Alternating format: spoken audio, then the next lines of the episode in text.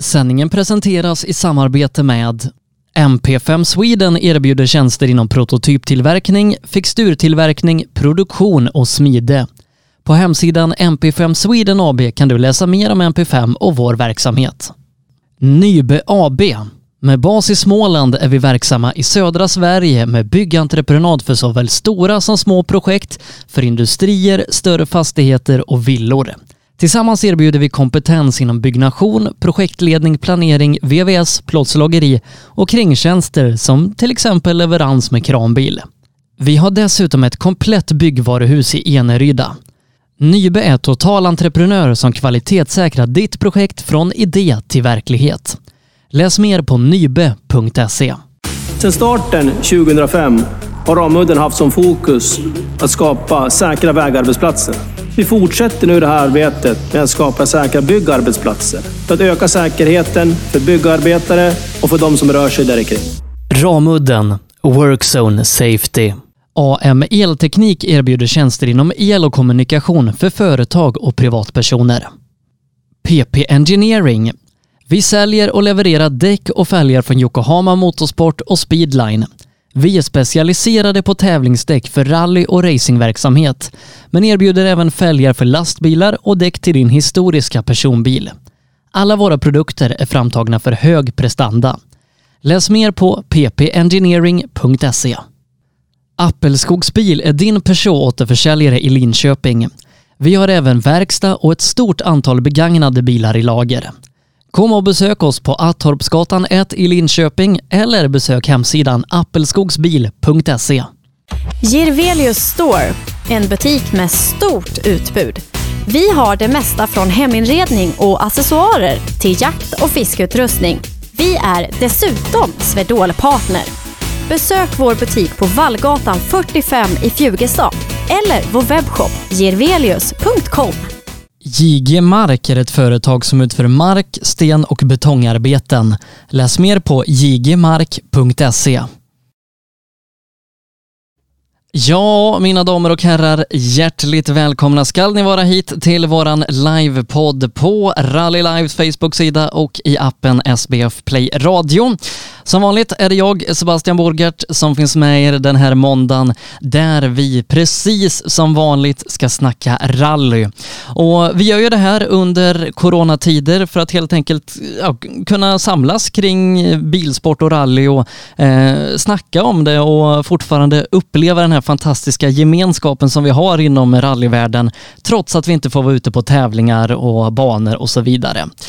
Och det här hade inte varit möjligt att genomföra utan de fantastiska sponsorer som är med och helt enkelt gör de här sändningarna möjliga. Jag vill rikta ett stort tack till MP5 Sweden AB, Nybe, Ramudden, AM Elteknik, Jiggemark, Jirvelius Store, PP Engineering Yokohama och Appelskogs Bil. Utan de här företagen hade det aldrig varit möjligt att genomföra de här sändningarna.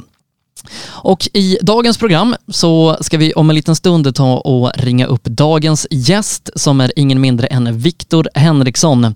Under många år så var han bland det snabbaste som vi hade i Sverige i en tvåhjulsdriven bil med segrar i såväl otrimmat som trimmat tvåhjulsdrivet. Men han har även jobbat ett år hos M-sport i England, kört junior-VM och hunnit med en hel del annat under sin karriär som kanske är slut, kanske inte.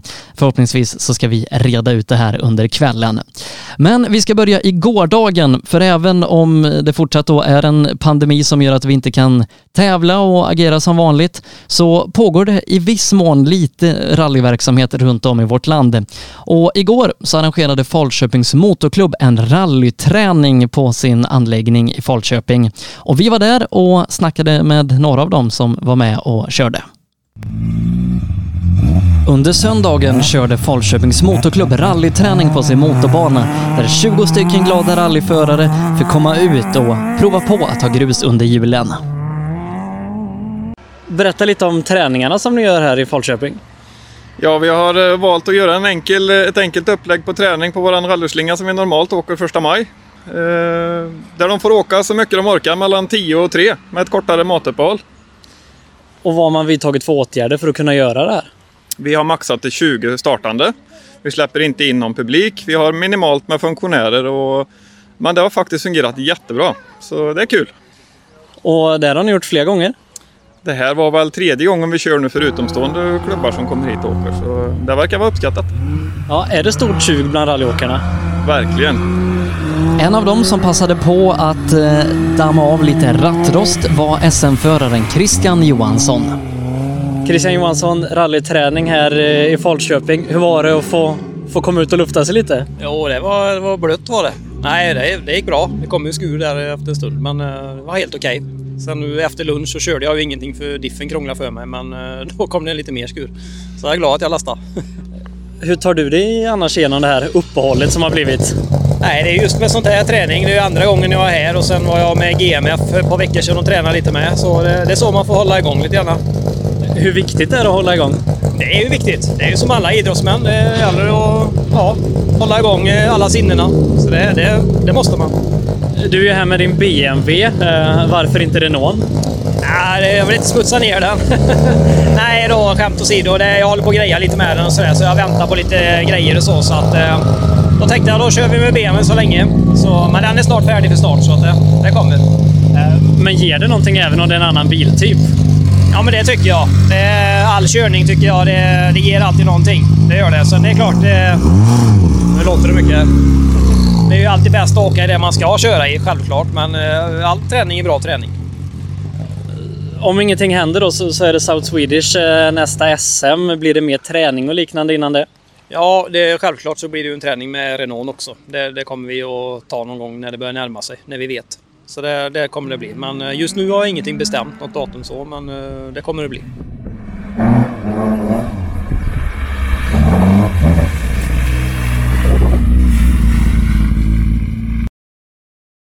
Och för de som är intresserade av att få prova på och köra lite rally efter ett alldeles för långt uppehåll så har Falköpings Motorklubb träning om två veckor igen. Den 7 juni så kör man på banan där igen. Och vi var ju på plats och livesände det här igår och de här livesändningarna går att se igen via våran Facebook-sida Rally Live eller på SBF Play. Vi ska nu ta och gå Vi ska nu ta och gå över till kvällens huvudgäst, eh, Viktor Henriksson som under många år var en riktig fortåkare i eh, SM. Körde även lite internationellt med framgångar i junior-VM och fick jobba hos M-sport och en hel del sånt där. Vi ska nu ta och ringa upp honom och eh, helt enkelt få gå igenom hans karriär.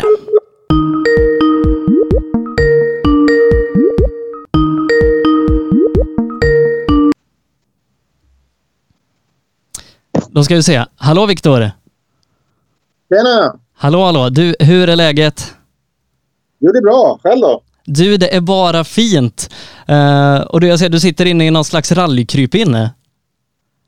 Ja, det är, kan säga, det är kontoret på firman. Så att uh, här åker mycket grejer på vägarna.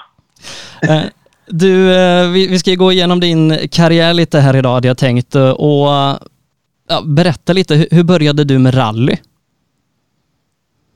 Eh, det var väl egentligen, det kommer ju hela familjen hållit på med tänkte jag säga. Men det är ju farfar egentligen som började med motorsport redan på 60-talet. Eh, och tävlade ganska framgångsrikt i, och var fabriksförare för Opel faktiskt. Så det är väl han egentligen, intresset kommer från honom egentligen. Och, uh, och sen har ju, har ju varit intresserad av all, alla egentligen. Det har liksom, jag har blivit, jag har bara glidit in där på ett hörn. Uh, när liksom tänkte du att när jag blir stor ska jag bli rallyförare? Samtidigt jag kunde gå. ungefär. Direkt. Det, alltså, det, var, det var det enda jag höll på med hela tiden. Eh, började du också då som många andra åka kartläsare vid 13 års ålder? Nej, det gjorde jag väl inte. Utan eh, kartläsare vart jag ju sådär. Jag åkte ju med mycket på... Farfar skjutsade runt mig mycket när jag var liten och sådär. Så att, eh men jag körde aldrig någon tävling så. Men det vart ju mycket go-kart till en början. Mycket racing tillsammans med folkrace. Så att, jag började ju väldigt tidigt och körde bil liksom redan när jag var... Jag tror inte jag var mer än 5-7 år gammal på landet. Liksom. Körde lite mellan kåkarna där. Och uh, du började med, med ungdomsrally va? Uh, och, och tävla? Ja, men precis. Så att jag tror, jag kommer inte ihåg exakt vad det var för bil. Jag tror att det var en Golf 2 kanske. En sån här, vad hette det, ekonomi då, tror ja. jag på den tiden. Eh, så det började jag med och då hade jag faktiskt min farfar som kartläsare första gången. Och han åkte en tävling och sen ville han aldrig mer åka med mig. Han var livrädd. V- Vem fick du stoppa in sen då? Sen fick jag stoppa in min farbror Patrik Henriksson som har tävlat, un- eller var, åkte kartläsare med Andreas Eriksson många, många år i SM. Eh, Så att eh, det var lite rutin där också. Och Han skrek inte lika mycket. Han var lite lugnare. Var du duktig som ungdomsrallyförare? Ja, men det tycker jag väl. Alltså, nu körde vi väl inte så jättemånga tävlingar, men jag vet ju att eh, en som jag körde mot vissa tävlingar var ju Mats Östberg. Eh, vi inte, det skiljer bara ett år mellan oss två. Eh, och vi, hade ju, vi bägge två hade ju bra tempo, tyckte jag i alla fall. Så att, eh, jo, men det gick bra. Absolut. Och, och när liksom bestämde du att ja, men, det här ska jag satsa på, det, det här ska liksom, ja, men jag, ska, jag ska satsa på att försöka bli något inom det här? Ja, men det, det fanns redan direkt. Alltså, jag tyckte att det var så fruktansvärt kul. Alltså, eh, att titta på rallyfilmerna som man var liten. Och Colin McRae var ju en superidol som för alla andra. Han satt och spelade alla bilspel. Så att det, kom rätt tidigt faktiskt. Ehm, ja, men det var väl framförallt när man märkte att man hade fart i kroppen. Det, det märker man ändå rätt tidigt. Liksom. Och då kände jag att nej, men det här kan nog gå ganska långt, trodde jag. Liksom. Så att det var bara ett mål och det, då var det att bli världsmästare i rally. Eller det har alltid varit det. Det vart inte så. Nej, men, men du är ju inte jättegammal än. Nej, nej, men jag, jag är för gammal känns det som för att gå eh, liksom hela vägen. Förr kanske man kunde komma upp... Jag tror Marcus Grönholm var typ 33 när han vann svensk, Svenska rallyt. Va? Eh, det ser inte ut så. Där. Idag är man ju 23 när man vinner Svenska rallyt. Så att jag känner mig ändå lite för gammal faktiskt. Eh, Men du började ju liksom åka på, på väldigt hög nivå väldigt fort för att det var väl typ ganska direkt efter du tog körkortet där i januari som, som det var SM-tävling. Ja, men precis. Då var det Östersund första och det var till och med Europamästerskapet. Jag tror det var EM den tävlingen om inte jag är, är ute och cyklar. Eh, och jag tror det var två dagar efter jag fått körkortet. som Så det var ju så här. Direkt dit, fått körkort. Första sträckan, kommer inte ihåg vad sträckan heter, men det hette IF. Jag vet inte. Mörker, snö, mycket snö. Två mil. Nej, det var, det var inte det lättaste alltså. Så att, eh, det var spännande som fan. Hade du åkt mycket rally som, som liksom ungdomsrallyförare innan det? Nej, men alltså, faktiskt inte. Vi, vi kanske åkte ungefär en fem, fem, sex tävlingar. Mycket mer vart det liksom inte. Utan, och sen har jag ju tävlat i JTCC samtidigt och kört S40 Challenge inom banracingen. Sen även folkrace. Så att det, det var ju mycket tävlande på annat sätt hela tiden. Så att, nej, men jag hoppade in i det. Det vart inte så mycket ungdomsrally faktiskt. Jag hoppade in i det där ganska snabbt. Eh, men eh, även om vi, vi pratar nu eh, någonstans 13-14 år sedan som du gjorde det här så var det ju fortfarande en stor apparat att driva runt en SM-satsning då med eh, personer som hjälper till och ekonomi och sånt där. Eh, hur jobbade du med det? Ja, du måste ju börjat då redan som, som 16-17-åring och, och satsa mot, mot 2006. Ja, nej, men precis. Så var det ju liksom. Och som sagt, 05 körde vi ITCC och eh, vi var ju inblandade. Andreas Eriksson skötte ju då Ford-cupen på den tiden. Och han var väl väl involverad i ITCC. Eh, och det var väl egentligen via honom jag varit liksom lite inslussad i den här Ford-cupen som började 2006. Eh, så att det var liksom, det var den rätta vägen att gå. Eh, så att där började vi liksom. Ja, för eh, ser man liksom till din karriär och det kommer vi komma in på så, så har du ju tävlat mycket i Ford och haft en, en nära relation till, till Ford och, och de som har drivit Ford-satsningarna. Eh, och det var liksom redan från start då? Ja, ja men det vart så. Som sagt, jag menar, eh, jag hade mycket kontakter inom Ford och i Ford Sverige. Jag har haft folk runt om mig. Så, så det har blivit så liksom. Och, vi gjorde mycket event med dem och hade utställningar på olika återförsäljare. Vi hade en event på banan här i Eneby, här i Nynäshamn. Eh, så att det, det vart det per automatik. Och det är återigen Andreas som hjälpte mig egentligen kan man säga som en mentor på den tiden var han ju och, ja, la ut mycket krokar. Så att han, han var ju till stor, stor hjälp verkligen. Hur var det att som så ung redan ha kontakter med en, en bilfabrikant om en liksom på, på svensk nivå? Ja, men det var ju stort verkligen. Eh, som sagt, och jag vet ju också att vi fick med oss Pirelli rätt tidigt eh, när vi kom in R2 när den kom in i Sverige för första gången. Och, och då var det ju liksom Pirelli Italien som var med och sponsrade och då var det liksom Mario Isola, han sitter på Formel 1 idag. Så att det var stort och de hade koll faktiskt. De hade, så fort du inte hade Pirelli-kepsen på dig i intervjuerna då ringde de direkt. Så att det, det var lite häftigt faktiskt var det liksom, kände du att du hade någon press? Så ung, inte kört den här typen av bilar, inte kört SM innan och, och redan ha den här uppbackningen och köra SM-tävling ett par dagar efter körkortet? Ja, det hade jag väl. Alltså egentligen hade jag väl ingen press sådär utomstående. Jag tror nog jag satte störst press på mig själv faktiskt. Jag är ju så extrem tävlingsmänniska i allting egentligen. Uh, så att jag, jag blir ju väldigt laddad liksom. Men det var ju mycket orutin då. Man åkte kanske lite för fort i svängarna och som, som tur var det rätt stora snödrivor så att man kom upp på vägen när man åkte på sig lite. Men, men eh, nej, men man, jag ställde väldigt höga krav på mig själv men det var ingen annan så som ställde krav så jag kände ingen press utifrån. Det kan, inte, det kan jag väl inte påstå faktiskt. Men resultaten kom ju ganska fort, eh, bland annat då i Hässleholm och Snapphanerallyt. Det blev en andra plats där bakom eh, Jocke Nyman. Eh, mm. Hur var det att få, kliva upp på pallen i SM-sammanhang? Ja, men det var jättehäftigt och som sagt redan första säsongen, jag var bara 18 år. det gick ju väldigt, väldigt bra hela året.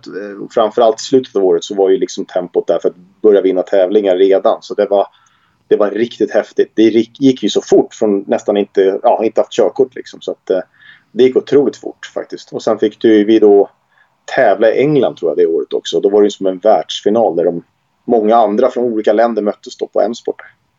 Eh, men när man gör sådana här satsningar så, så, ofta gör man ju liksom en plan för flera år. Hade ni gjort det och i så fall hur hade ni tänkt liksom att det skulle utvecklas efter 06? Nej, men alltså egentligen hade vi väl inte någon sådär jätteplan. Utan vi tog det... Alltså planen var ju liksom att vi ville komma ut i Europa så snabbt som möjligt. Eh, men vi hade... Vi tog det väl egentligen lite år för år också kan jag säga. Eh, eh, alltså, vi hade ju inte jättemycket pengar. Alltså, det, det, det, vi hade ju såklart uppbackningen av Ford och Ford Sverige så småningom. Pirelli, men det fanns ju liksom ingen jättekassa sådär. Utan eh, vi var ju liksom, bilen kunde inte, jag kunde inte rulla tre tävlingar i rad. Liksom. Då hade ju inte pengarna räckt till. Så det var ju ganska tight budget också, eh, även då. Eh, så man fick ju ta det lite som det kom, liksom, eh, år för år. Eh, men uh, vi, vi pratade lite om det där, eh, den här Fiesta shootouten då som, som var det på hösten 06. Uh, mm. Berätta lite om den. Eh, det var ju egentligen att de tog fram de bästa, de som hade vunnit sina serier i diverse länder möttes i en världsfinal. Eh, och det var folk överallt. Från Finland, Tyskland, Italien, Sverige, Norge, alla, alla länder som körde det, som den typen av serierna. Och eh, vi möttes i England Eh, och körde då på Greystock Forest där uppe, väldigt nära M-sports anläggning. och då var det inte bara körning egentligen utan du var ju tvungen att vara någorlunda duktig på media, du var tvungen att ha bra fys, eh, du var sett under psykologiska tester eh, och sen så självklart körning i skogen. Så att, och då slog de egentligen ihop en topptrio där som fick hamna på en intervju med Malcolm Wilson. Där han fick känna lite på trycket på. Så det var ju den då som, som, vi lyckades, eller som jag lyckades vinna. Då. Så att, eh, det var också helt sjukt för jag var ju rookie återigen. Jag var ju, det var första året och samma år som jag får körkort så vinner jag hela världsfinalen. Så det var helt sjukt verkligen.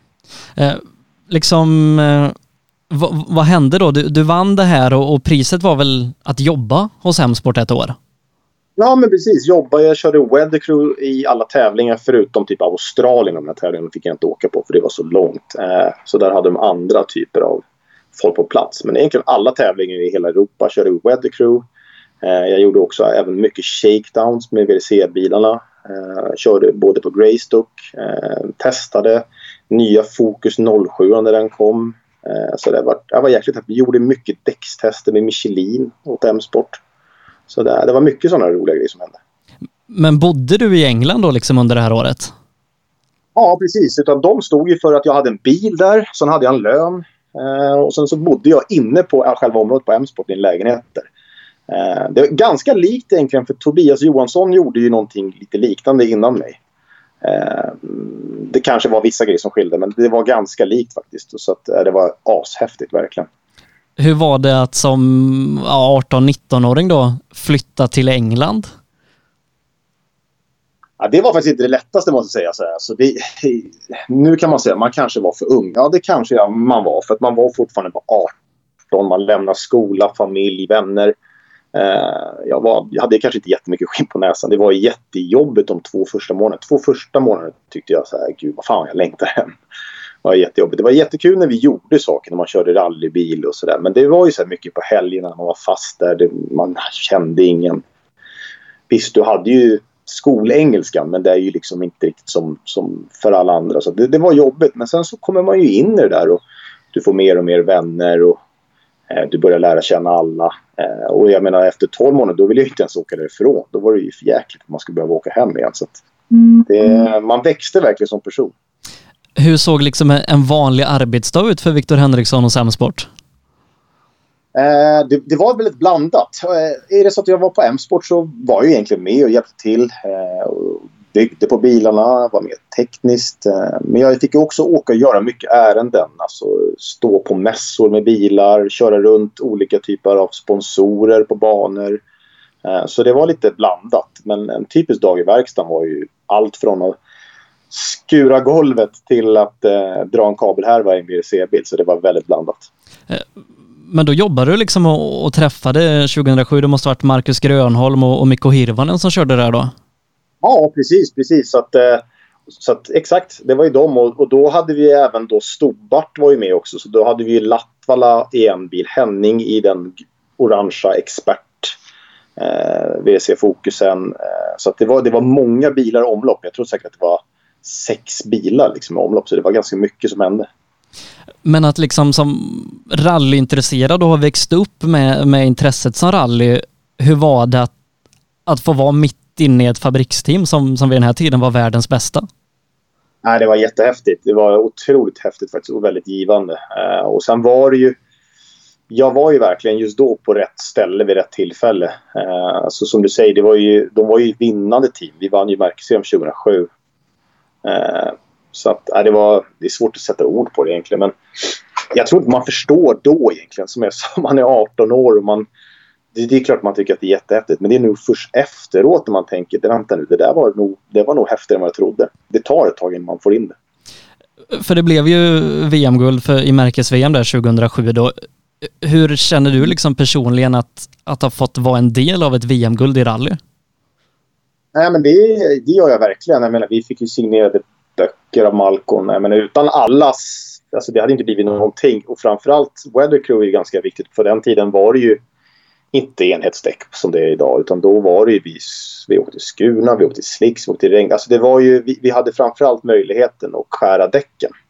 Så att allting vi sa i kodade meddelanden via, eh, jag tror att vi körde via jag kommer inte ihåg hur vi gjorde det egentligen. Det var kodade meddelanden i alla fall. Och det var ju, det var ju jätteviktigt. Jag menar om om vi gjorde, om jag gjorde bort mig, jag menar, då hade ju Marcus valt fel däck för den sträckan och då hade det kunnat bli förödande. Så att, eh, det var jättehäftigt verkligen.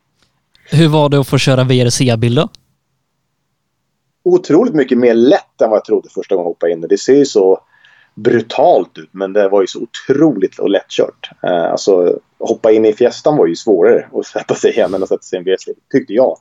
Otroligt direkt, otroligt stabilt väldigt odramatisk bil. Otroligt mycket vridmoment i den fokusen också. Det spelade liksom ingen roll om du åkte på din hårnål på fyran. Liksom. Det fanns ju hur mycket kraft som helst. Liksom. Så att, äh, det var väldigt lättkört tycker jag.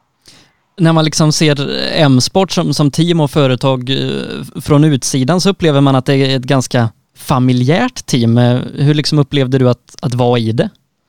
Ja, men jag håller faktiskt med. Det var verkligen det. Det märkte man många som kanske hade varit i andra team. Vi, jag, menar, vi, jag kommer ihåg att vi fick ju mycket folk från ProDrive.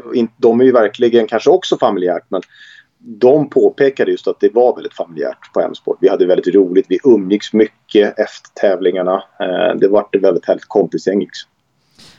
Har liksom och året där och, och, och de du träffade på något sätt öppnat dörrar senare i din karriär för, för möjligheter inom rally, rallyvärlden? Absolut, absolut. Jag har ju haft mycket kontakt med dem. Eh, nu på sista tiden har det inte blivit så mycket men alltså det, jag hade mycket kontakt med många. Eh, vi, vi lyckades ju köra ganska många tävlingar i England, det brittiska mästerskapet. Eh, jag hade mycket sponsorer som jag fick där borta som hjälpte mig också. Eh, som stod både för bilar och startavgifter, tävlingar, hotell och boenden. Så, att, yes, så det var ju verkligen till en stor fördel, verkligen. Hur var det att komma hem efter ett sånt här äventyr? Inte så kul alls faktiskt. Det var tråkigt. Jag ville gärna vara kvar men det fick ju inte. Så att, eh, och det, det, även om de tyckte att jag kanske skulle få vara kvar så, så gick ju inte det. Så att, äh, men det var ju lite trist. Eh, men man märkte också, det var skönt på ett sätt också att komma hem. Äh, få träffa familj, vänner igen. Men äh, jag ville ju verkligen åka tillbaka. Men det, som sagt, det gick ju inte. Äh, men det, var, det, var, det var en häftig upplevelse. Jag, jag, växte väldigt mycket som person. Jag menar, jag var som jag sa 18 år. Jag, utan det så hade jag väl fortfarande varit 18 ungefär. Så det, det, var som att jag hade åldrats fem år i sättet hur jag tänkte. Och framförallt när det gäller att ta kontakt med personer, ro ihop saker. Det var ju väldigt skillnad. Men du kombinerar ju då 2007 med, med, att jobba med det här samtidigt som du då också körde eh, rally och eh, på hemmaplan i Sverige och SM. Hur funkade det att, mm. att kombinera två ändå så pass stora uppgifter? Ja, det var både bra och dåligt var det. Jag kunde ju komma väldigt oförberedd. För att problemet var ju att man kanske inte körde så mycket rallybil i tävlingssammanhang. Jag menar, även om du åker och gör tester och sådär så är det ju inte tävling. Tävling är ju den absolut bästa träningen. För då har du ju liksom... Eh, och jag kunde ju... Jag vet att jag missade vissa tävlingar tror jag 2007. För att jag hade massa andra grejer. Eh, så att det vart ju inte optimalt rent SM-guldsmässigt om man säger så. Det vart ju lite knasigt. Men Eh, du kunde ju komma ganska oförberedd. Du kanske inte kunde tävla på den nivån som du ville. Vilket var lite synd med det egentligen. För jag hade velat tävla mer. Men du hade ju ett, ett, ett starkt 2006 då. Eh, vad hade du för målsättningar när du klev in i, i 2007 som ja, andra års senior om man ska säga det med, med pallplatser i, i SM och, och allt sånt där? Nej, men det var väl egentligen bara att ta nästa steg. Alltså, farten kom ju hela tiden och det, det fortsatte under hela 2007. Eh, eh, och en bra bit in på 2008 vet jag. Där, jag skulle nästan säga 2008 är mitt bästa år för då jag blev ännu äldre och fått ännu mer rutin. Eh, men det, bara, och det börjar bara flyta. Det, det, man har liksom inget problem. Det går aldrig sönder. Och man kör på stenen men man får ingen punka. Det börjar bli, allt bara flyter. Så att, eh, ja, vad ska jag säga? Coolt. Du tog ju första SM-segern här eh, under 2007. Jag vet inte om det var Sandviken eller om det, om det kom tidigare, men, men hur var det att, att vinna i SM-sammanhang? Eh, det kan nog stämma. 2007 stämmer, ja. Precis. S Sandviken är det nog, ja, precis. Eh, det var... Vad var det? Det var en grustävling. Det var ju på sommaren ja, precis. Då åkte... Vem åkte jag med då? Då åkte jag ju med... Jag, jag tror Jonas Andersson åkte med den tävlingen. Om inte Jonas åkte med mig, Jonas Andersson, den tävlingen. Och det var lite samma sak där. Helt plötsligt så fick jag en kartläsare som jag bara wow. Alltså, jag har åkt jättemycket kartläsare men alltså det är svårt att hitta någon mer proffsig och duktig kartläsare, tyckte jag i alla fall. Framförallt otroligt duktig på att läsa. Det finns många som är duktiga men det, du ska ha allt också när det gäller läsa. Så det jag kan säga, utan Jonas hade det blivit svårt att, att, vinna faktiskt. För att han var extremt bra på att hålla tillbaka mig liksom, när det varit lite, lite fladder och sen så lyckades mana på mig. Liksom, så att, eh, det var jättehäftigt. Det var jättehäftigt att få åka med Jonas också. Så att, eh, det, var, det var en grym känsla. Eh, du körde ju lite internationellt under året. Eh, som du nämnde några tävlingar i England. Eh, hur var det att få tävla utanför Sveriges gränser? Ja, det var jävligt häftigt faktiskt. Jag hade ju många som trodde på mig där borta. Vi åkte ju brittiska mästerskapet, några tävlingar. Kommer inte ihåg vad de heter, tävlingarna. Eh, jag vet att vi åkte Rally Wales 2007 tror jag också. I, där. Och då åkte vi mot Elfen Evans. Eh, så att, eh, och då är det ändå det är duktiga förare man har mött. Liksom. Så det, det, är jäkligt kul att man lyckades även åka fort i, i Wales liksom, och, och England. Det var, det var väldigt häftigt. Jag tror de fick upp ögonen där också. Och jag tror, om jag liksom har hittat rätt resultat, att du blev tvåa i Grupp N-klassen i Wales. Ja, men precis. Och då hade vi väldigt mycket bromsproblem. Men tittar man sträcktiderna så var vi väldigt, väldigt snabba hela tiden. Vi var...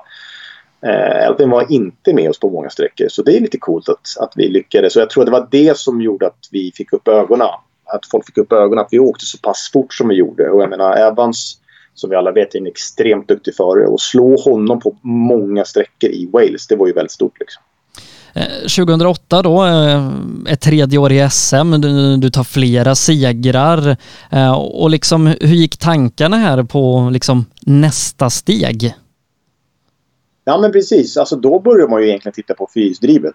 Eller det var det som var planen. Eh, att liksom byta upp sig från tvåhjulsdrivet till fyrhjulsdrivet. Eh, 2008 var ju som jag sa, det var ett år där allting bara funkade. Vi åkte ju så fort så att, alltså, och det kändes odramatiskt. Jag vet att vi vann två tävlingar totalt tror jag med Grupp M-bilen i tvåhjulsdrivet. Eh, Karlskrona och Hässleholm vann med totalt tror jag. I alla fall, det var, det var grymt. Men det vart ju inte fyrhjulsdrivet utan, utan då hade ju vi Eh, då fick vi chansen på den nya R2 när den kom. Då.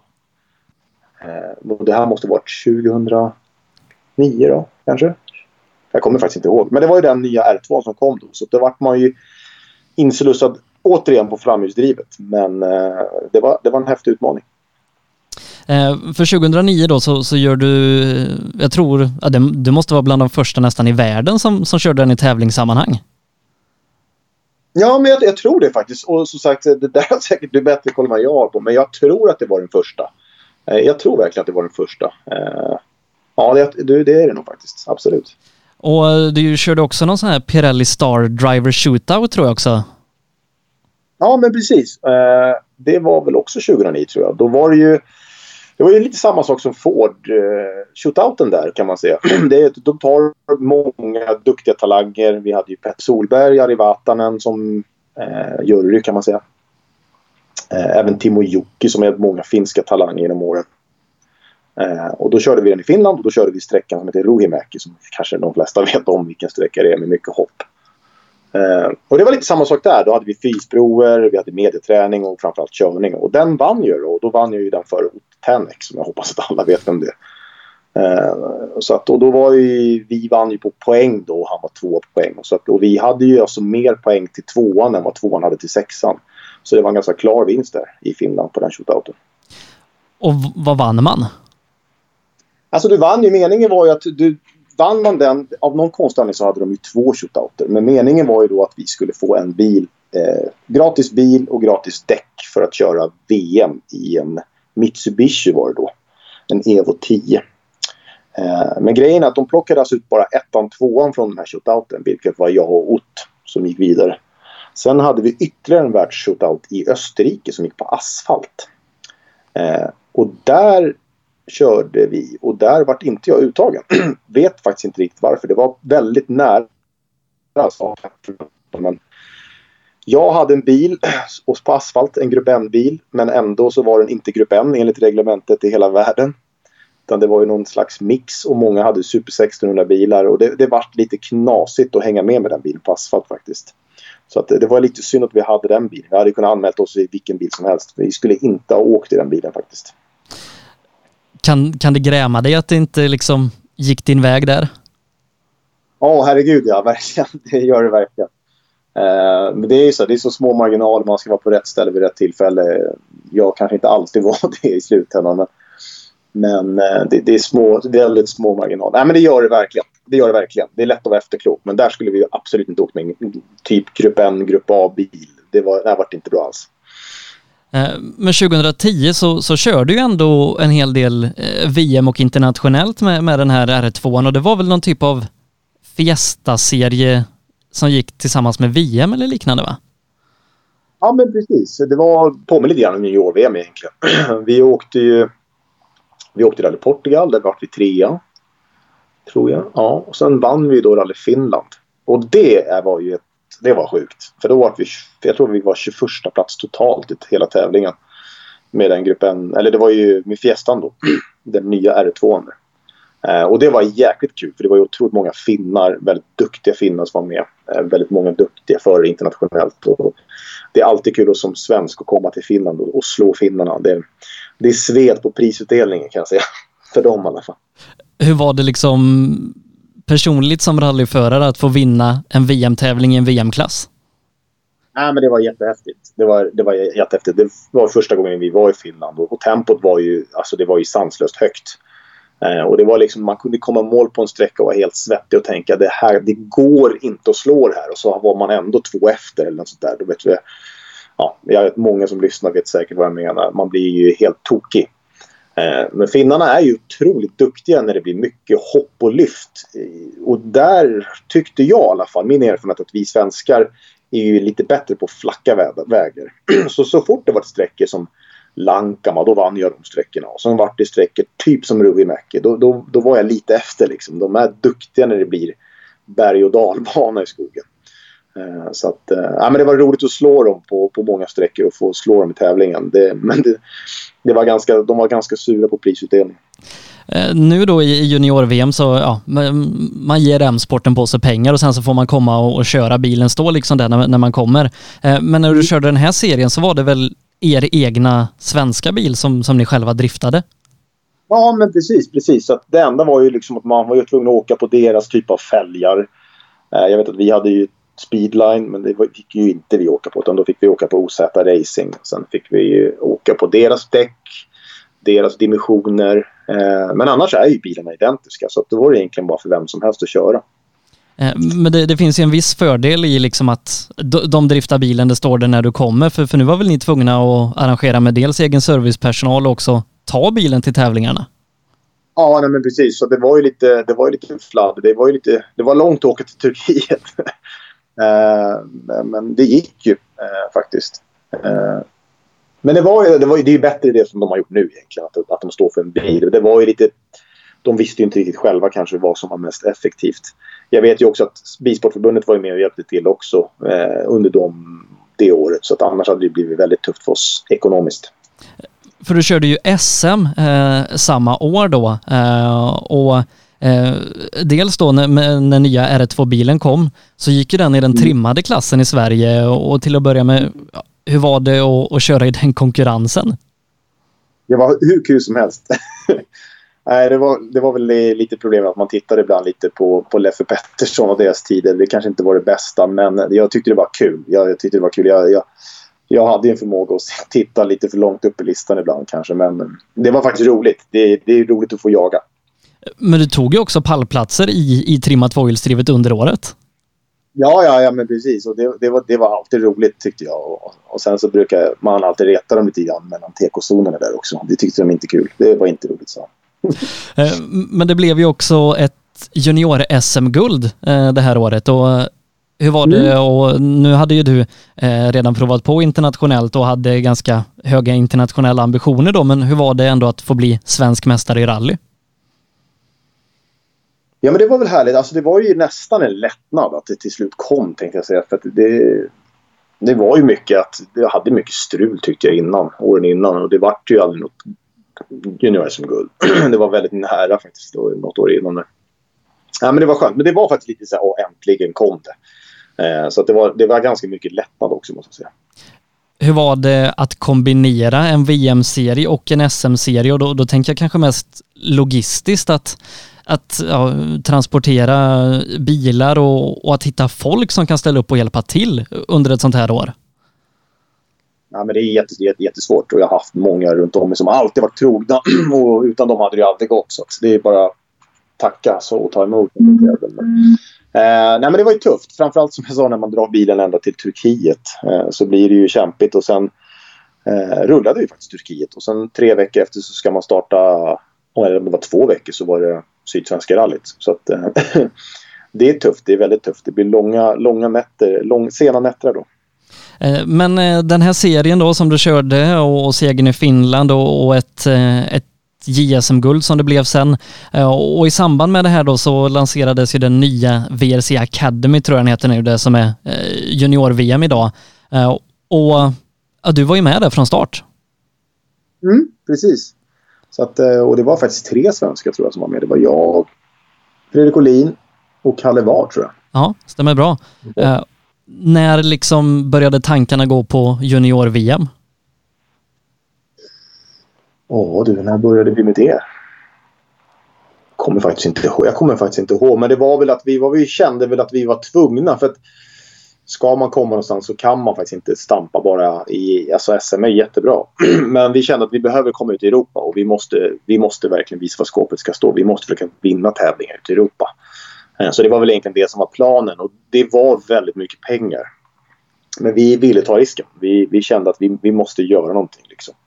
Eh, så det var väl egentligen, det var väl dags kände vi. Om man säger så det är ju M-sport som, som ja, driver serien nu och drev den då och, och dina kopplingar till Ford, eh, hjälpte de till någonting att, att komma in i det här?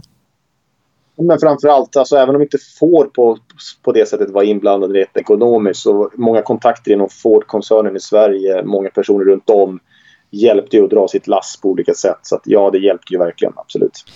Och som du nämner, det, det är ju en risk eh, att, att ta och gå in i en sån här eh, så pass ekonomiskt eh, dyr serie och junior-VM är också förknippat med kostnader om, om man ja, kör av och liknande. Ja. Tog du dig igenom hela serien eller, eller tvingades ni avbryta satsningen? Jo, vi var tvungna att avbryta inom Tyskland, vilket var ett jättemisstag i slutändan. För det där skulle vi såklart kört vidare.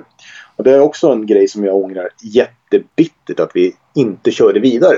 För att som alla kanske vet så vann ju Craig Breen den VM-titeln.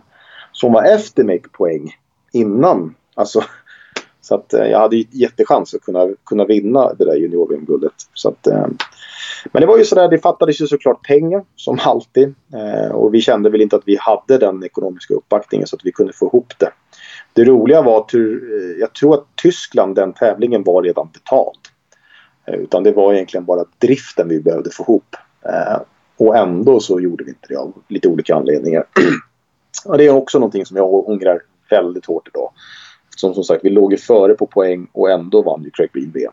Ja. Det hade ju kunnat väldigt mycket. Så att, eh, det var lite synd faktiskt. Ja, och, och inte för att någonstans strö salt i sår, men bara idag kom ju nyheter om att han eh, ska köra Hyundai i, i Rally Finland. Så att det, det visar ju någonstans eh, serien ja. och, och den årgången, vad, vad ni var kapabla till.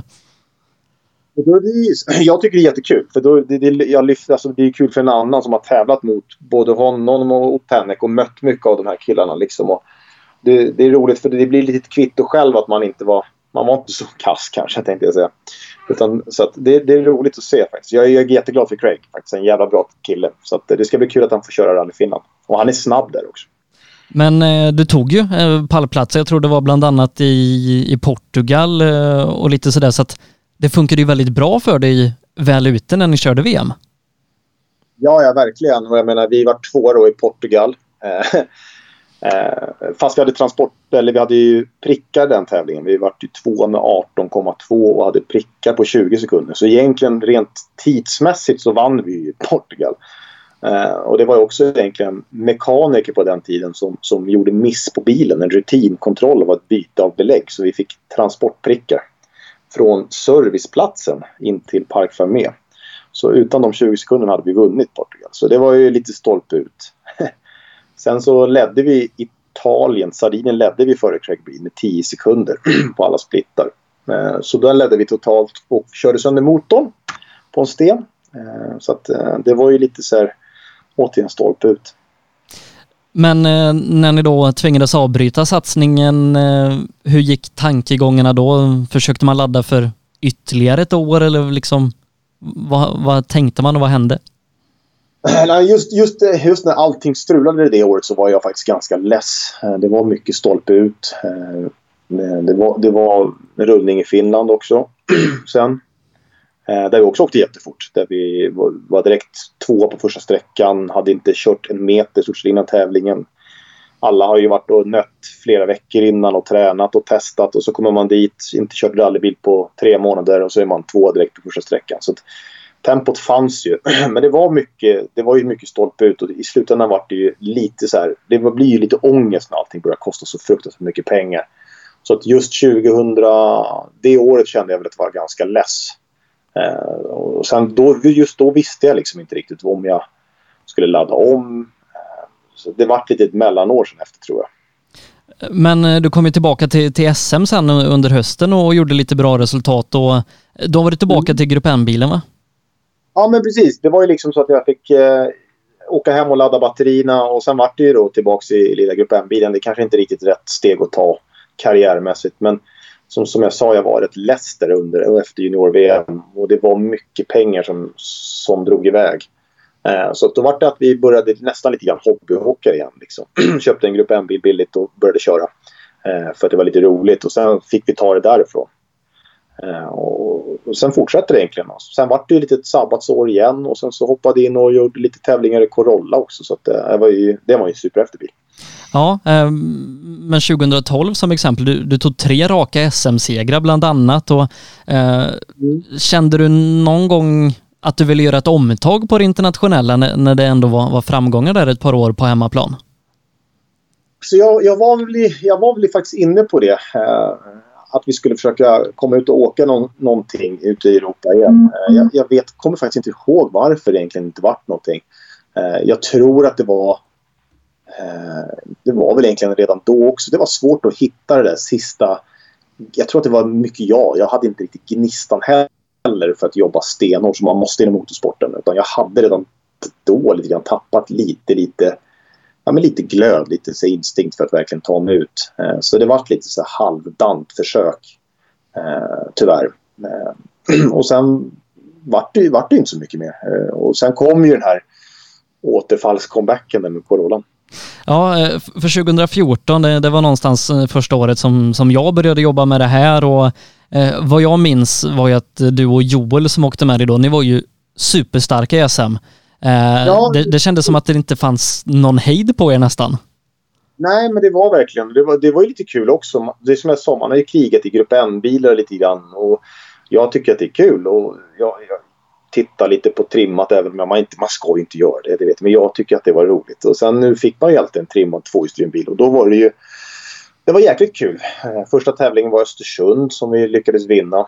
Eh, och sen vann vi nästa tävling också i Kolsva. Så det, det, det, var en häftig, det var en rolig tid måste jag säga. Vad, var, vad var det som gjorde att, att du och, och Joel var så starka det året tror du? Eh, vi hade kul och vi hade, vi var ju, nu, nu låter det fel att säga att man var oseriös, det är klart vi inte var det, men vi hade ingen press på oss som vi hade när vi höll på med junior-VM. Utan då åkte vi verkligen för att det var kul. Jag hade liksom i stort sett varit borta närmare ett och ett halvt, två år. inte gjort någonting. Inte hållit på med motorsport överhuvudtaget. Jag skaffade säsongskort i Djurgården Hockey typ. det var den enda sporten jag såg tänkte jag säga. Så då var det liksom, vi, vi gör det här för att det är kul. Vi, vi kom över, Kenny Stavbom hade en Corolla som vi fick hyra jätteförmånligt. Och för han sa Viktor, du kan inte, du får inte sitta och gå på hockey. Du ska, sitta, du ska vara i skogen och köra. Så, så att, eh, det får man tacka Kenny för att han tog tag i mig lite grann där. Så att, nej, det var, vi hade hur kul som helst. Vi skrattade på transporterna och vi skrattade när vi hade värsta bredsladdarna i svängarna. Och vi, vi hade superkul, verkligen. Ett av mina, ja, det, det är nog eh, bland mina starkaste SM-minnen, det, det är garnisonen Hässleholm eh, 2014. Mm. Eh, det är 7,5 kilometer när man har kört den. Ni gjorde den två gånger. På inledande sträckan var du över 12 sekunder snabbare än Leif Pettersson och jag vet min kollega Per Johansson än idag eh, pratar om, om en vänsterfyra där inne när du hade en makalös attack. Eh, liksom berätta mm. lite om, om den fredagen i Hässleholm för, för det satt avtryck på mig i alla fall, den farten du hade. Ja, jag tror vi var två eller tre totalt på hela sträckan faktiskt. Eh, så det var jätte... Det var, det var, alltså, och där kommer ju faktiskt lite racing racingfördelen in också. Många åker ju egentligen in lite för fort in i svängarna och så får de inte med sig farten om man inte har... Eh, nej men alltså grejen är att det får man ju höra man ska bara ta sig runt på sådana där sträckor. Det enda man kan göra är att tappa tid. Och det, det, är precis så man inte ska tänka på en sån där superspecial. För att det kan verkligen dra iväg i, i tid. Eh, slår man av lite grann och åker 90% och jag tar i allt vad man har, då kan det ju bli ganska stora eh, differenser. Så att, men jag sa till Joel att eh, jag ska ta i, nu ska vi ta i de här två vännerna så mycket det bara går. Och, det gjorde vi. Eh, nu kanske det är svårt att, ranka alla sträckor du har gjort i din karriär, men, men om, om du ska göra ett försök, ligger Hässleholms garnison där 2014 på listan? Ja, ja men absolut, absolut. Alltså det, det, det, var ju, det var ju inte någonting som, det stämde ju 100% från första start. Eh, och det var ju så att när du kommer in i första svängen där, det vill starta upp en höger kanske, jag kommer inte ihåg. Eh, jag satte bromspunkten direkt och när du sätter en bromspunkt direkt då har du liksom satt bromspunkten för resten av alla svängar. Än att man bromsar för tidigt eller för sent. Så att, och det var väldigt bestämt och, och, det roliga var att vi hade ju egentligen grusdäck och jag vet att vi slog många som hade asfaltsdäck. så det var också kul att vi åkte grusdäck och, och slog folk som var asfaltspecialister på slicks. Så det var ännu roligare tycker jag. För, för jag tror den som var tvåa efter första dagen, det var Mats Andersson eh, som har blivit mm. brittisk mästare och, och framförallt då kanske en av Sveriges främsta asfaltsförare. Vunnit två raka ja. SM-guld på asfalt och ja, du, du slog ju honom med grusdäck. Ja, det är roligt. Det är jättekul. Det är, det är lite roligt för att Pelle Wilén ringde mig året efter och sa Viktor, nu måste du visa hur jag ska göra, sa han. För din tid året innan, det ska inte gå, sa han. Så att jag skulle ge en tips. Så jag kunde inte ge en tips. Det där grejer du själv, så du är så pass duktig. Så.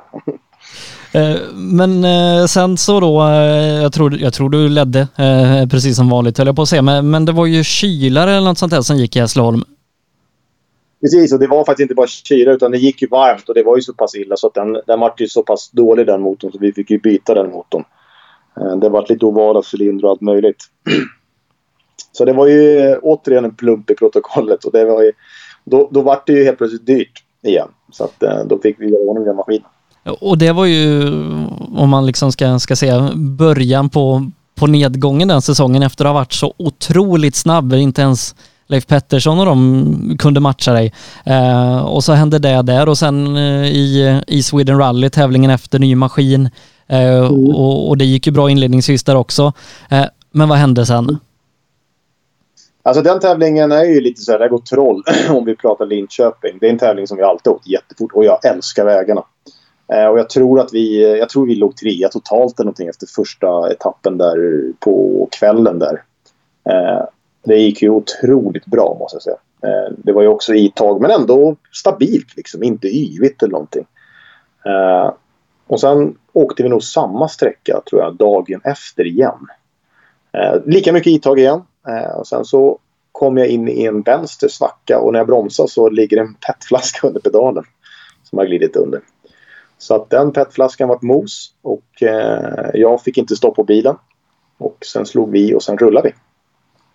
Eh, skapligt hårt, inte allt för hårt men tillräckligt, tillräckligt för att det skulle bli mycket plåt. Och då var det ju dödsstöten. Först motorn och sen den rullningen. Det var ju, då var det plötsligt, då kom ju det där pengaångesten fram igen så då var det inte lika roligt längre. Eh, efter att liksom ha haft en, en fantastisk inledning på säsongen, eh, ni flög fram och, och, bara hade liksom roligt på hobbynivå lite som du uttryckte det. Hur var liksom slaget i magen eh, när det slutade rulla i, i Linköping? Ja, men det, var ju, det var inte bra. Det, det fick inte hända där. Det fick det inte göra. vi hade inte ekonomin för både en motor och det där. Så det var, det var liksom för mycket. Eh, vi, vi fick ihop bilen och vi, vi tänkte faktiskt starta Uppsala. Men eftersom SM-guldet egentligen försvann och, och då var det så här, nej men nej, åka dit bara för att ta sig runt. Ja men det var, nej, det var det liksom, då kände jag inte lust överhuvudtaget. Så då ville jag, som du säger, det var som ett slag under bältet. Det var, det var lite jobbigt faktiskt. Men ändå efter det här så, så blir det en ganska initialt i alla fall stor satsning inför 2015. Man, man plockar hem en, en ny Citroën eh, R3, den här turbovarianten DS3 och ja, det, det mm. kändes som en, ett väldigt seriöst försök på SM. Ja, men det var det verkligen. Det var verkligen en ny, nytändning och det, vi, vi fick upp lite vi träffade lite nya kontakter som ville vara med och sponsra. Eh, vi hade plattlyft med oss. Eh, och, och, och, grejen var att det var egentligen en liten plan från dem att vi skulle ta fram en lite nyare bil. Eh, och jag var på Citroën Sverige för att få hjälp. Det var lite svårt. Eh, de hade inte riktigt den ekonomin heller. Men man fick hjälp med teamkläder och lite sånt där från Citroën. Eh, och från, från Ford till Citroën tänkte jag säga. Eh, nej, men det, var, det, var en häftig, det var en häftig nystart. Bilen var ju häftig. Det här var en DS3 Max. Den var helt ny då. Jag tror också att det var en av de absolut första bilarna i världen som vi fick ihop. Eh, så det var ju, det var ju liksom mer modern rallybil. Så att, eh, det var faktiskt verkligen en nytändning. Och eh, som sagt en, en ambitiös satsning och eh, du verkade hitta rätt i bilen ganska, ganska direkt. Ja, nej men precis. Alltså det är återigen så att vi, vi åkte ju upp, skulle åkt första tävlingen som var Sandviken och vi hade tekniska problem för att bilen startade och så fort jag slog på responsen så den ville inte gå. Och innan vi lokaliserade det där, vi bytte bränslepumpar och spridare och vi bytte egentligen allt på plats. Vi fick inte ihop det. Eh, när vi hittade felet sen så visade det sig att det var eh, rester från blåsan i tanken.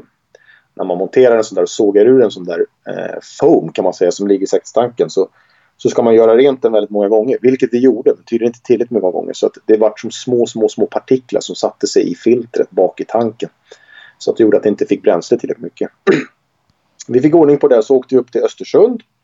Eh, och, och återigen i stort sett knappt kört bilen, åker upp och, och egentligen vinner den tävlingen kan man säga.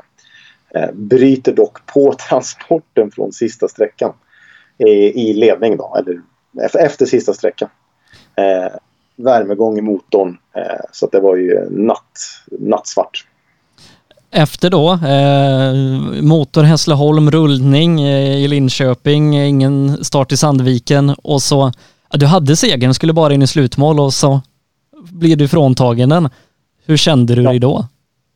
Nej, men det, var ju, det var ju inte roligt alls. Jag menar, det, Tobbe Söderqvist sa det också som fick ställa sig längst upp att det, det är inte riktigt så här man vill vinna en tävling heller. Liksom, när man ska ta sig från sista sträckan till, till, till slutmålet. Det är, det är, inte kul heller. Så att, eh, nej, det, var, det, var, det var trist verkligen. Eh, men det blev ju inte jättemycket mer eh, den säsongen sen. Vad, vad var det som hände? Nej, men det, det var väl egentligen att eh, vi, vi, vi, skulle ju åkt egentligen som vanligt till Sydsvenska. Eh, motorn skickades iväg. Eh, den här motorn, motorn som de här gjorde eh, skickades ju till Oreka i Frankrike som gjorde motorerna.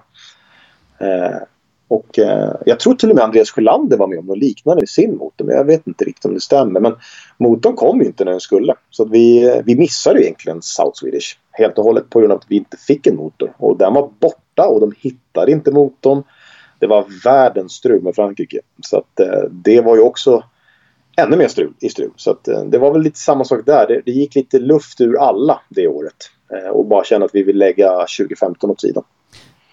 Men sen blev det ju inget 2016. Nej, utan sen kände jag så här, nej nu, nu, ska, nu säljer jag rallybilen. Eh, och sen så eh, får vi se vad som händer framöver. Och där är jag idag egentligen. Jag eh, har ingen, äger ingen rallybil. Jag har inte ens kvar släpet. Utan jag har sålt allting. Eh, alla mina eventgrejer har jag sålt för att ha event. Eh, känner jag mig sugen att börja direkt så här? Ja, det är klart att jag tycker att det är kul att sitta och titta och jag, jag blir jättesugen på att sitta i en rallybil igen. Men, men ska man göra det så ska man göra det ordentligt. Eh, och då ska man också känna att man kan fullfölja, att det finns ekonomin Eh, och det får vi väl se framtiden få utvisa om vi, om vi gör en comeback. Men det är mycket möjligt. Jag är som sagt, än så länge är jag inte, jag är inte 66 än. Så att jag är 33 så jag har en liten bit kvar. Men, men hjälmen ligger inte officiellt på hyllan? Nej, nej, det kommer den aldrig göra. Absolut inte. Som sagt, vi, jag har drivit familjeföretag här i Haninge som heter Mattcenter. Och det är det som har varit på tapeten just nu för att försöka få lite ruljans på det här. Vi har jättemycket att göra. Eh, coronatider gör ju att vi har mycket, många som håller på med mattor hemma och fixar och donar. Mycket båtmattor och sånt där tillverkar och det är många som lägger pengarna på båt nu istället. Så att vi har ju väldigt mycket på jobbet och jag tycker det är kul så att eh, går det bra här så, ja, vem vet. Men följer du fortfarande rallysporten, även om du själv inte är en del av den just nu? jag, följer, jag följer alltid. Jag följer både VM och SM så, så mycket jag kan. Absolut. Jag tittar på all motorsport egentligen. Formel 1, rally-SM, rally-VM, rallycross. Allt. Men, men rally-SM är lite bättre? Det är roligare framför allt. Men framför allt så tycker jag att det är bättre folk runt om när det gäller media. Och de är ja. bättre vid utmålet där också. Och med micken i hand. Nej, men skämt Ni är jätteduktiga och jag tycker att det är jättekul att lyssna på er. Eh, nu, nu, ska vi inte summera din karriär utan vi ska blicka tillbaka på den så här långt. Eh, vilka framgångar värderar du högst? Jag skulle säga att eh, vinsten i England med Malcolm och alltihopa när man är 18 år med så pass tuff konkurrens. Vinna den och få flytta till England där eh, och jobba som testförare. Det, det, var, det är en av de absolut största. Helt klart. Och det, det kanske är samma svar, men vad är du gladast för att ha fått uppleva inom rally? Nej, jag måste vara tråkig att säga samma svar för det, det, var, det var verkligen en, en sjuk upplevelse. och jag kommer aldrig glömma det och jag har mycket bilder och roliga grejer. Så att eh, jag håller här själv på med kontoret nu. Jag ska få upp lite bilder och eh, lite tavlor, lite priser och, och förordning där också så kan man blicka tillbaka lite. Du, Viktor, du ska ha jättestort tack för att eh, jag fick låna din tid eh, den här måndagskvällen. Eh, och så hoppas jag innerligt att vi syns på en rallytävling snart. Det är väl klart vi gör. Du, ha det fint så hörs vi. Ha det så bra nu. Hej.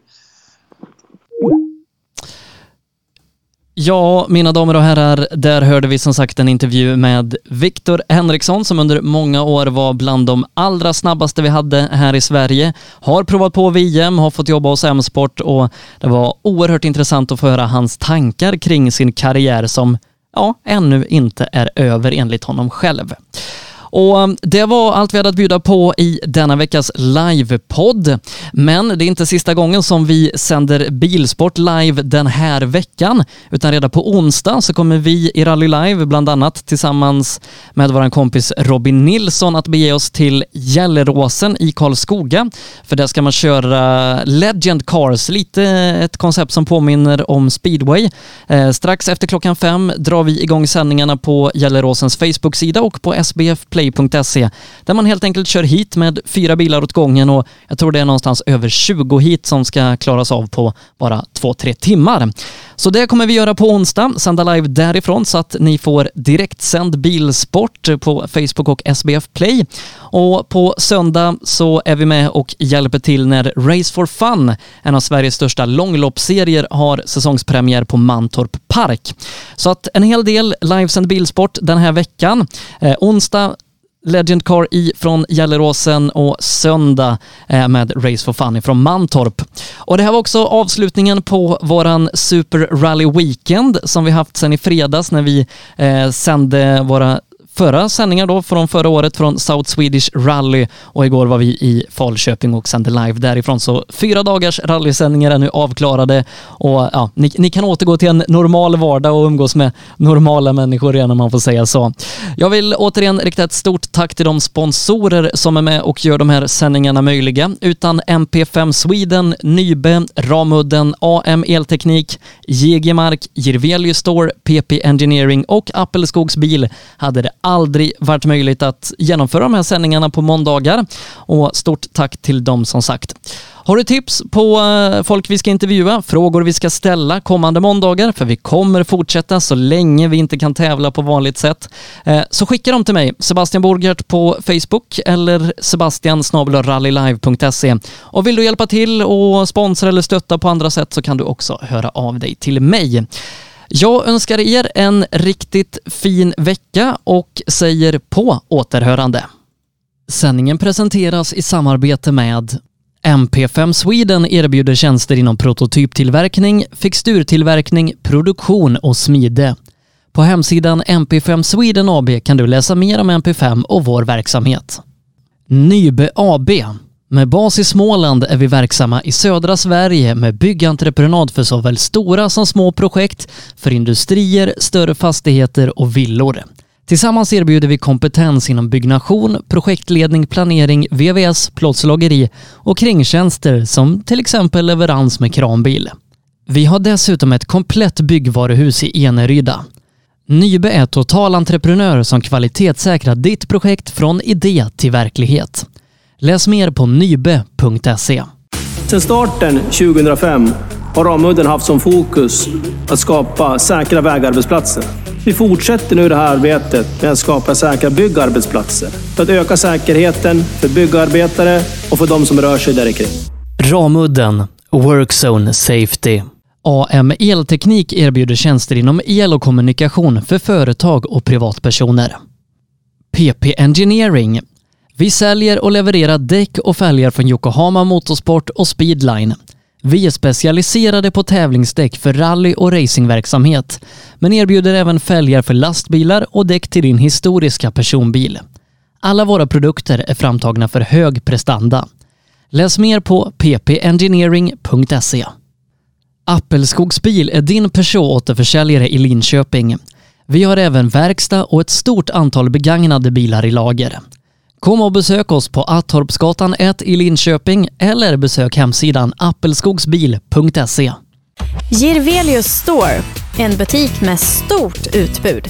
Vi har det mesta från heminredning och accessoarer till jakt och fiskeutrustning. Vi är dessutom Swedol-partner. Besök vår butik på Vallgatan 45 i Fjugestad eller vår webbshop jirvelius.com. JG Mark är ett företag som utför mark, sten och betongarbeten. Läs mer på jgmark.se.